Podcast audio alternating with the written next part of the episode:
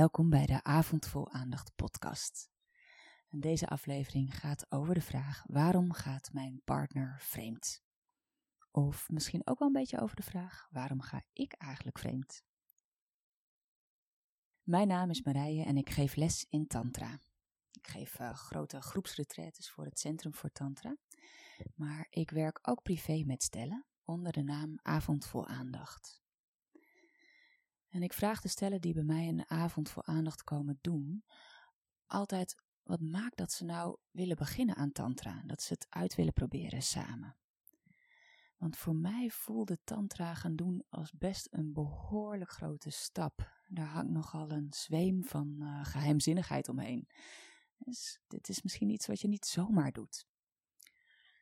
Nou, en de antwoorden die mensen me geven, die vallen grofweg in twee categorieën.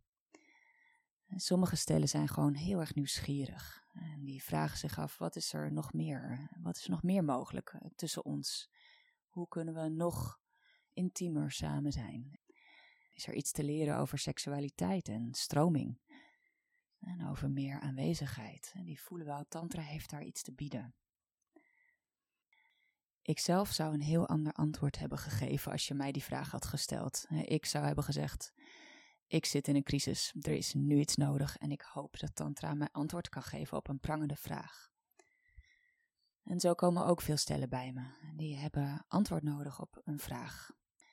Bijvoorbeeld de vraag: moeten we wel bij elkaar zijn? Nou hebben we de neiging om een crisis een beetje fout te maken. Alsof je iets niet helemaal goed hebt gedaan als je in een crisis bent beland. Of dat er misschien iets niet helemaal goed zou zijn met je relatie wanneer je samen in een crisis belandt. En meestal is het ook zo, hè, proberen we een crisis te voorkomen, omdat het behoorlijk overweldigend kan zijn. Vaak ga je door hele intense emoties heen, diepe pijn of rouw, woede, haat zelfs. Nou, en niet zelden is het vreemdgaan van een van beide partners de aanleiding voor zo'n crisis. Vaak zien we ook het vreemdgaan zelf als iets fouts. De relatie is dan toch niet zo oké, of die persoon die vreemdgaat is niet oké. Maar zelf heb ik wel ervaren dat ontrouw in een relatie ook heel erg kan helpen om iets opnieuw in beweging te zetten. In sommige relaties moet er iets gebeuren om de boel weer een beetje te laten stromen. Dat het soms stagneert in een relatie, dat hoort er gewoon bij. Iedere relatie gaat door periodes van stagnatie heen, waarin je voelt, tja, waar gaat het eigenlijk heen? wat, uh, wat is onze volgende stap? Dat je voelt dat je ergens in een soort impasse bent beland. En soms helpt een crisis dan. Als je voelt dat een bestaande situatie niet meer houdbaar is, en dan komt de crisis als het ware vanzelf. En veel geliefden die hebben te maken gehad met ontrouw van hun partner, die erkennen eigenlijk ook wel dat er al een tijdje niet meer iets helemaal in balans was in hun relatie. Dus wat is daar gebeurd? Nou, in het begin, toen jullie alleen nog maar minnaars waren van elkaar, en was alles spannend en nieuw. En deze persoon is helemaal nieuw en je wilt alles van hem of haar leren kennen. En jullie delen op dat moment nog geen geschiedenis of verantwoordelijkheden. Op een bepaalde manier kan je zeggen dat er helemaal niets te verliezen is als je verliefd bent. Je kan van alles uitproberen. En dus minnaars die dansen, die spelen, die stoeien en die vrijen met elkaar. Eigenlijk ben je heel erg veel helemaal fris in het moment als je verliefd bent.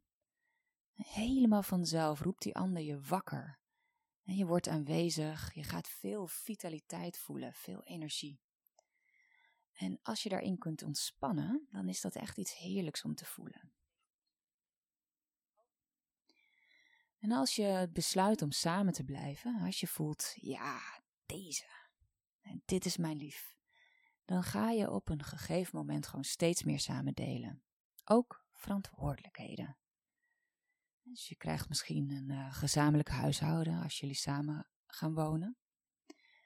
En misschien worden jullie ook ouders.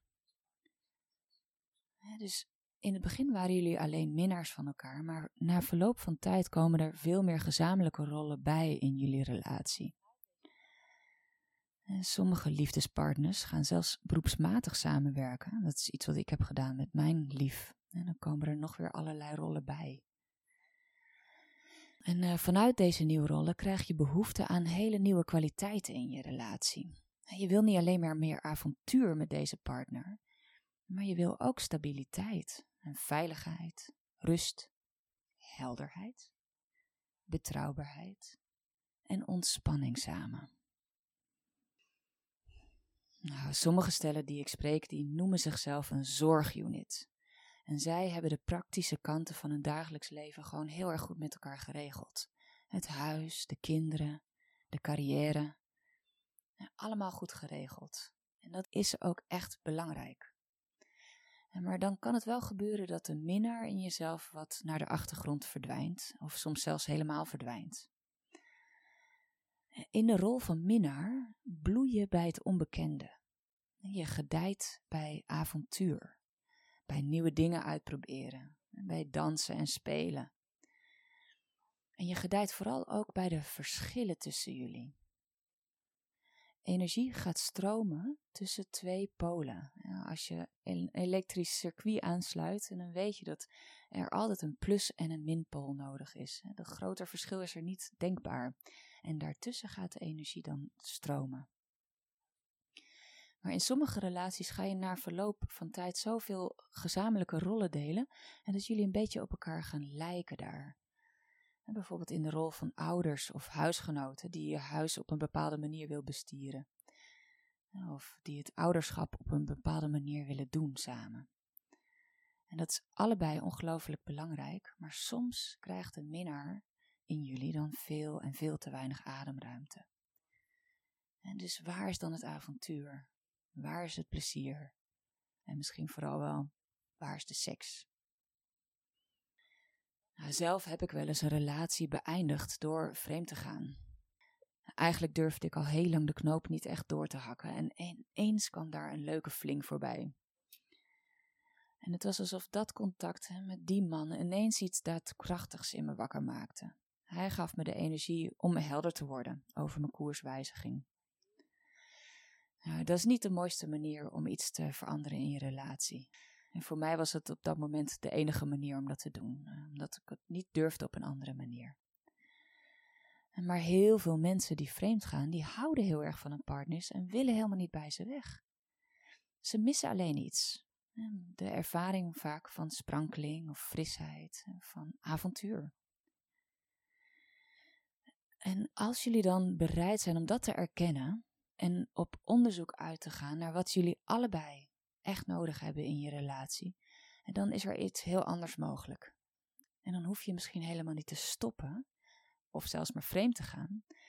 En dan kan je echt iets veranderen binnen je relatie.